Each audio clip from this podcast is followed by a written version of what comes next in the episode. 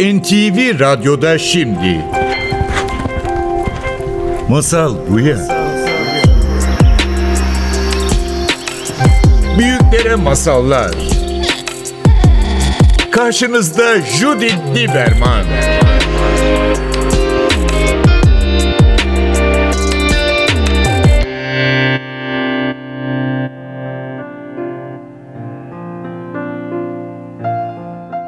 Masal Buya'ya hoş geldiniz. Bugün masal okulundayım. Yanımda üç tane öğretmen var.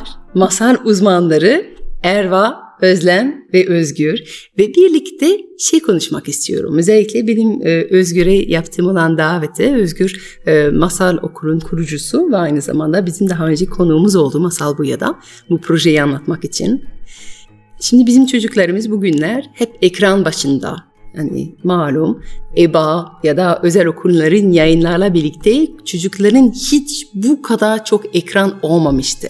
Ve ebeveynler gerçekten arıyorlar. Biz ne yapabiliyoruz? Yani çocuklarımızın hayatı dengelemek için ne yapabiliyoruz? Ve o yüzden size geldim çünkü e, bence çok güzel önerileriniz olabilir. Üçünüz öğretmensiniz ve üçünüz aynı zamanda bu Milli Eğitim'in masal okulunda çalışıyorsunuz. Milli Eğitim'e bağlısınız ve yani evde olan insanlar, anneler olabilir, babalar olabilir, amcalar olabilir, teyzeler, büyük anneler. Yani ne yapabiliriz? Çocuklarımızın hayal gücü tetikleyebilmek için ve onların hayatları renklendirebilmek için. Önce sana döneceğim Özgür. Merhabalar, teşekkürler davetin için öncelikle. Masal okulundaki öğretmenleriz, masal öğretmenleriz bizler ama bunun yanı sıra anneyiz. Üçümüzün de okula giden ve okul sürecinde olan e, ya da anaokul sürecinde olan evlatlarımız var. Kaç yaşında? Benim kızım 12 yaşında. 5 yaşında. 7 yaşında. Evet benimki 2 yaşında olmak üzere 3 ay sonra. Evet. Bizimkiler artık okullu. Benim bir de oğlum var 16 yaşında. Dolayısıyla dediğin kaygıları hem içeriden hem dışarıdan yaşıyoruz. Ee, bu süreçte hakikaten çocuklar hiç olmadığı kadar ekranla muhataplar. Ben kendi adıma bir ebeveyn olarak uzun bir süre evde televizyon bile bulundurmayan biriydim ve çocuklarımın cep telefonu yoktu.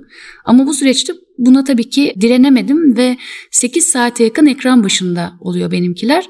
3 gündür de kızımın gözünde böyle bir kızarıklık var ve bu beni çok, çok üzüyor. Peki ne yapabiliriz? Hakikaten hepimizin şu anda bu sorunu cevabını aradığını biliyorum. Hem öğretmenler hem ebeveynler, öğretmenler için de çok yeni bir şey bu. Ee, biz doğaya gitmeyi mesela bir alternatif olarak sunabiliriz. Her fırsatta bu süreçte bir doğaya, doğa tabiatın içine gidip çocuklarla orada vakit geçirme olabilir. Dengelemeye çalışmalıyız bunu çünkü. Hmm, bir de biz bu öneri tabii ki bütün aile için faydalı. Tabii, Çünkü tabii. yani bu pandemi döneminde yani herkes biraz daha fazla eve kaldı. Şimdi kış geliyor yine şey olacak. Bu herkese çok iyi gelir yani büyük ve küçüklere. Hı hı. Kesinlikle bu aklıma geliyor. Bunun yanı sıra çocuğa görelik, çocuğun içinde bulunduğu bir hayal dünyası ve ilgi alanları vardır. Ee, bunları besleyecek etkinlikleri de gözetmemiz gerekir. Örneğin benim kızımın tasarımla ilgili yetenekleri var ve far, devamlı bir şey üretmeye çalışıyor evde.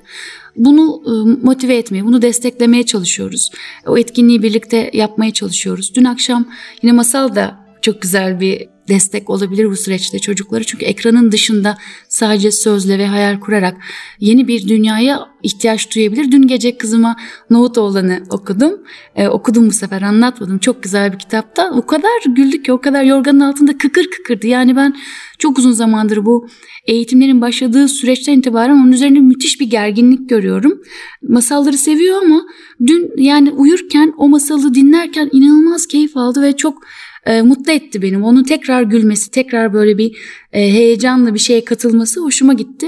Masal da çok güzel bir e, aileler için bence önemli bir alternatif bu süreçte. Ekransız görebilmek, ekransız evet. gördürten bir araç gerçekten. Evet. evet. Doğa ve masal okumak, anlatmak zorunda değiliz. Yani bazen böyle büyük bir yükleme ile anlatacaksın değil. Yani güzel kitaplar birlikte okumak, birlikte okumak ne kadar değerli. Yani aklıma şey geliyor Amerika'da yaşadığım zaman ben 16 yaşındayken Amerika'da yaşamaya gittim bir seneliğinde. Benim ailem olmayan bir ailede kaldım. Ve benim İngilizcem çok kötüydü ama liseye gidiyorum ve edebiyat derslerim var ve roman okumam gerekiyor birden. Ve o ailenin annesi benim için, bana yardım etmek için okumam gereken romanları yüksek sesle okudu. Onlardan biri William Faulkner. William Faulkner gerçekten Amerikan edebiyattaki okuyabileceğiniz en zor yazarlardan biri ve böyle az İngilizcemle bunu çözemiyordum. Yüksek sesle okudum. Ve onun sayesinde okuyabildim. Sonra tek başıma okumayı öğrendim e, İngilizce'de. Yıllar sonra, şimdi evlendim. Eşimle birlikte balayımız Amerika'da geçirdik. Bu aileme e, eşimi tanıştırmak istediğim için. E, ve çok şanslı oldum çünkü bu bir sene bana anne olan anneyle aslında bir sene sonra vefat etti ve son bir defa görebildim onu. Ve ilk gördüğüm zaman bana dedi ki Judith hatırlıyor musun? Sana William Faulkner okumuştum. Yüksek sesle okuduk. Çünkü günler boyunca bu kitap okuduk. Ben de hiç unutmadım, o da hiç unutmadı. Yani bu söylediğin şey yüksek sesle okuduğumuz kitaplar çocuk küçük olmak zorunda değil. Birlikte bir hep okumak istediğimiz bir edebiyat eseri yüksek sesle okumak. Yani bunun üstünde 24 sene geçmişti, 25 sene geçmişti. 25 sene ikimiz hala o kadar büyük bir mutlulukla bu yüksek sesle okunulan kitap hatırlıyoruz ki o yüzden ergen olsun çocuğunuz, 18 yaşında olsun çocuğunuz yine de bu güzel bir etkinlik. Yani yüksek sesle birlikte kitap okumak hem çocuğun hem ebeveynin hayatında tohum ekiyor. Kesinlikle. Evet benim de 5 yaşında bir kızım var. Şimdi kitaptan bahsedince benim de aklıma e, bir kitap geldi. Burnett'ın Gizli Bahçe adlı bir romanı var. Bir çocuk romanı ve benim en sevdiğim çocuk romanı. Ve oradaki bir cümle beni çok etkilemişti. Diyordu ki bir çocuğa verebileceğiniz en büyük zarar ya onu tamamen tek başına bırakmaktır ya da sürekli yanında olmaktır. Oo, Ve gerçekten evet Bir daha söyle, Çok- bir daha söyle. bir çocuğa verebileceğiniz en büyük zarar ya tamamen onu yalnız bırakmak yahut da sürekli yanında olmaktır. Gerçekten hepimizin kaç yaşında olursak olalım hem kendimizle hem de bir başkasıyla vakit geçirmeye ihtiyacımız var. Ve aynı zamanda doğayla. Özgür'ün söylediğine çok katılıyorum. Bizler özellikle de İstanbul'da bir beton şehirde yaşıyoruz. Ee, doğadan kopmuş vaziyetteyiz. Doğadan kopmak aslında insanın biraz da kendi özünden kopmak. O yüzden özellikle de bu pandemi sürecinde bunun zorluğunu çok yaşadık. Ama bir yandan da neleri yanlış yaptığımızın farkına vardığımız bir dönem de oldu. O yüzden bunu hani dezavantajlı konumdan avantajlı konuma çekip belki bu noktada da hepimizin bu toplumun içinde yaşayan bireyler olarak bu süreci daha iyi bir noktaya götürme konusunda hepimiz birer adım atabiliriz. Ben bunu çok söylemek istiyorum. Aynı zamanda bir de çocuklarımızı böyle sportif faaliyetler yapmaya da yönlendirmeliyiz. Benim de 5 yaşındaki kızım çok yeni jimnastiğe ve tenise başladı ve onun ne kadar bu süreçte mutlu olduğunu ve aynı zamanda hani bunun aileye de çok güzel bir şekilde yansıdığını hani görüyorum. E, çünkü mesela bu spor yaptığında en azından kızımızın elimizden tutuyoruz. Annesi ve babası biz birlikte de aslında bir şey yapmış oluyoruz. Bu aynı zamanda bize birlikte vakit geçirmeye de bir kanal açmış oluyor. Bu yüzden hani ailecek böyle birlikte yapabileceğimiz etkinlikler de bulabiliriz. E, ve masal evet çok güzel. Aynı zamanda ben çağdaş çocuk edebiyatıyla ilgileniyorum. Kızımla birlikte her gece mutlaka uyumadan önce mutlaka kitaplar, şiirler okuruz. Hatta şunu söyleyeceğim. Çocuklarımızı sadece masal da değil, hikayeler, aynı zamanda şiirler, tekerlemeler, bilmeceler bunları da sunabiliriz. Çocukların çok küçük yaştan itibaren çünkü yazın eğitimine başlamaları çok önemli. Okuma kültürünü çok destekleyen bir süreç bu. Bunu söylemek istiyorum. Bunlar çok güzel molalar. Bir de e, şunun altını çizmek istiyorum. Aslında mola dediğimiz şey sadece ekrandan sıyrıldığımız anda yapabileceğimiz bir şey değil. Biz ekran önündeyken de hem dinleyicimizin mola vermesini sağlayabiliriz hem de aynı zamanda orada bizim artık hani anlatıcı konumunda olabiliriz, bir öğretmen konumunda olabiliriz. Bu yaptığımız işten bağımsız kendimize de mola verebiliriz. Peki bunu biraz daha açmak istiyorum. Bu nasıl olabilir? Ee, şimdi bizi insanları canlılardan ayıran bazı özellikler var. Mesela biz hayal kurabiliyoruz. Mesela biz yaratıcılığımızı kullanarak bir şeyler üretebiliyoruz ve aynı zamanda öğrenme arzumuz var ve bir merak duygumuz var. O yüzden biz ekran önünde bunları tetiklersek çocuklarımızın işte o ekran başındaki sıkılganlıklarını aslında biraz olsun indirgeyebiliriz, azaltabiliriz. Mesela ben anlatıcı olarak neler yapıyorum? Masalımı anlatmadan önce mesela ya oyun oynuyorum ya birlikte bir şarkı söylüyoruz. Çünkü insanlar aynı zamanda sosyal de bir varlık. Bir şey yapmaya, ortaklaşa bir şey yapmaya ihtiyaç duyuyorlar. Ve en basitinden bir ritmi birlikte mırıldanıyoruz. Aslında orada ben hem kendimi de hazırlıyorum masal anlatmaya, aynı zamanda dinleyicimi de hazırlıyorum ve onun o dinleme arzusunu tetikliyorum ve aynı zamanda hayal kurmasını da sağlıyorum. Bu şekilde tasarlıyorum yapacağım etkinliği ki kendini hazır etsin. Aslında burada bir, bir taşla birden fazla kuşu da vurmuş oluyorum. Bir de şunu söyleyeceğim.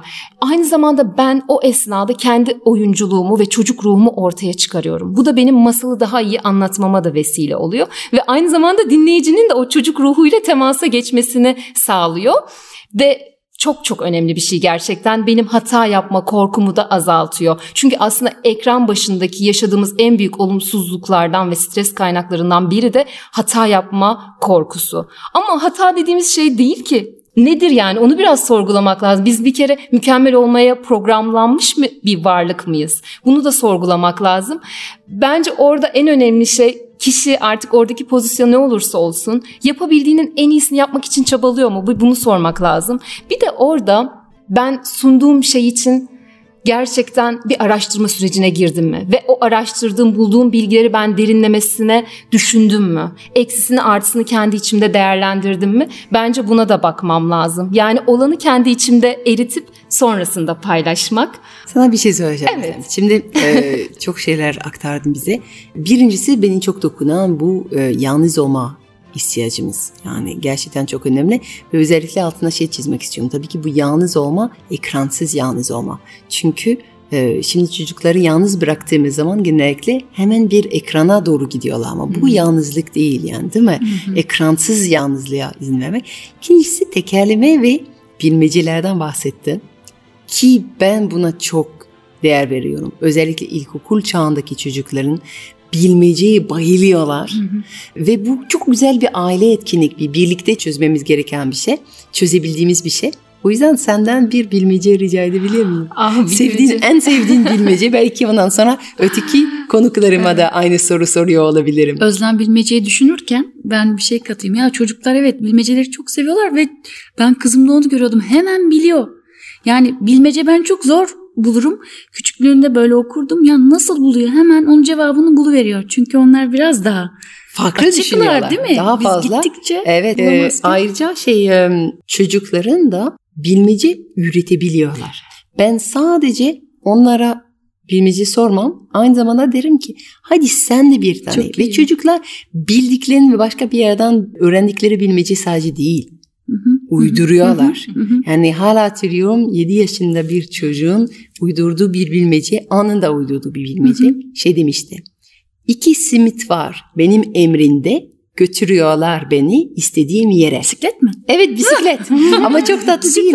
Bilmece neden çok önemli? Çünkü bizi farklı düşünmeyi yani çok iyi bildiğimiz bir şey bisiklet ama onun hakkında farklı nasıl düşünebilirim? Ya da bildiğim her şey hakkında nasıl farklı düşünebilirim? Özlem senin için hazırız. Evet. Şimdi geldi aklıma benim de. İzi yaldız, gözleri boynuz. İzi yaldız, gözleri boynuz. Ben Kızımın da en sevdiği galiba. hayvandı bir aralar. Salyangoz. Salyangoz. evet. çok çok güzel. Yani bilmeceler hem aynı zamanda çok şiirsel aslında e, bir Evet. tarafları var. Hem de e, gerçekten Egzersiz. yani bir egzersizdir. Farklı düşünmeye dair ve o yüzden yaratıcı düşünmeye dair bir egzersiz.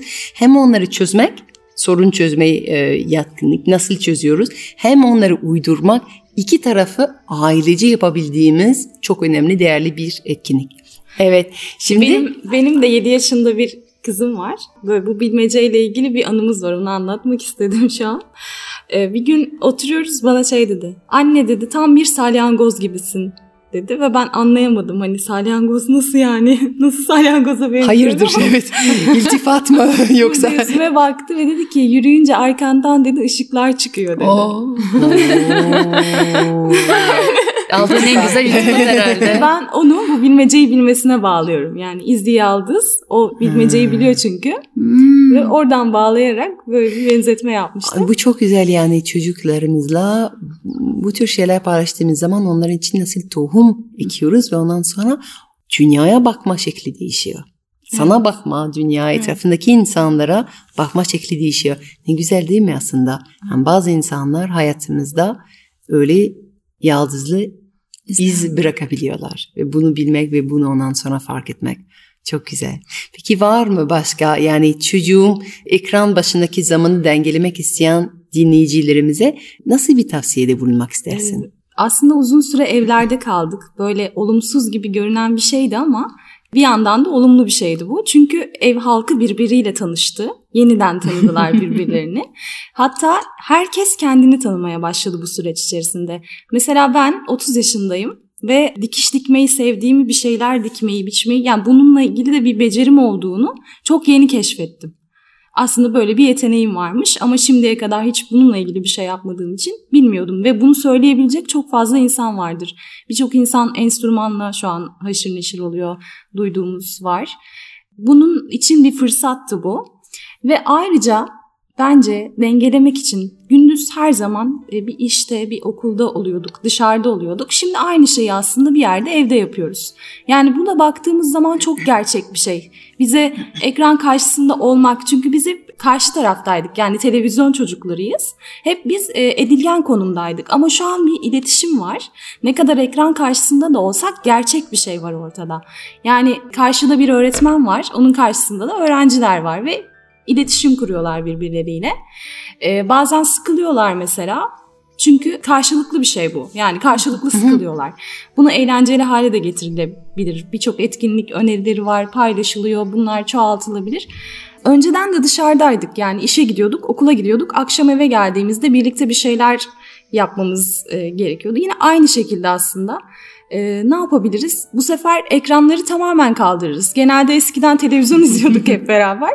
Ama şu an ekranları kaldırıp bir çember kurup hep birlikte birbirimize hayallerimizi anlatabiliriz. ee, yine masal okuyabiliriz, anlatabiliriz. Ee, çocuk yani yüz yüze bakarak mesela göz göze bakmayı özledik. Çünkü hep ekran karşısında izliyoruz ya. Bunu Aslında şey diyorsun ya ilişki hatırlayalım. Yani. Evet, Ne yaparsak yapalım yani ekranlar azaltalım ki bir de birlikte ne yapıyoruz? Yani ne yaparsak birlikte yapabiliriz değil mi? Yani yemek olsun, hamur birlikte yapılabilir. İşte kitap birlikte okunulabiliyor yüksek sesle. Yani hayatımızı nasıl daha fazla bağlayabiliriz, birlikte örebiliriz değil mi? Hatta birlikte sıkılabiliriz. Ama birlikte olsun mesela e, şey vardı bir kitap okumuştum da şu an yazarı aklıma gelmiyor. Çok sevdiğim bir şey var. Çocuğuma dedi bu hayatta verdiğim en güzel şey ona sıkılabileceği zamanlar vermekti diyor. Yani Yaratıcılık anlarımız oradan Evet. doğuyor değil mi? Evet, yani evet. böyle o aslında ne kadar ilginç ki kaçınmaya çalıştığımız çoğu şeyler bizi de aynı zamanda besleyen şeyler oluyor. Eric Fromm şey diyor.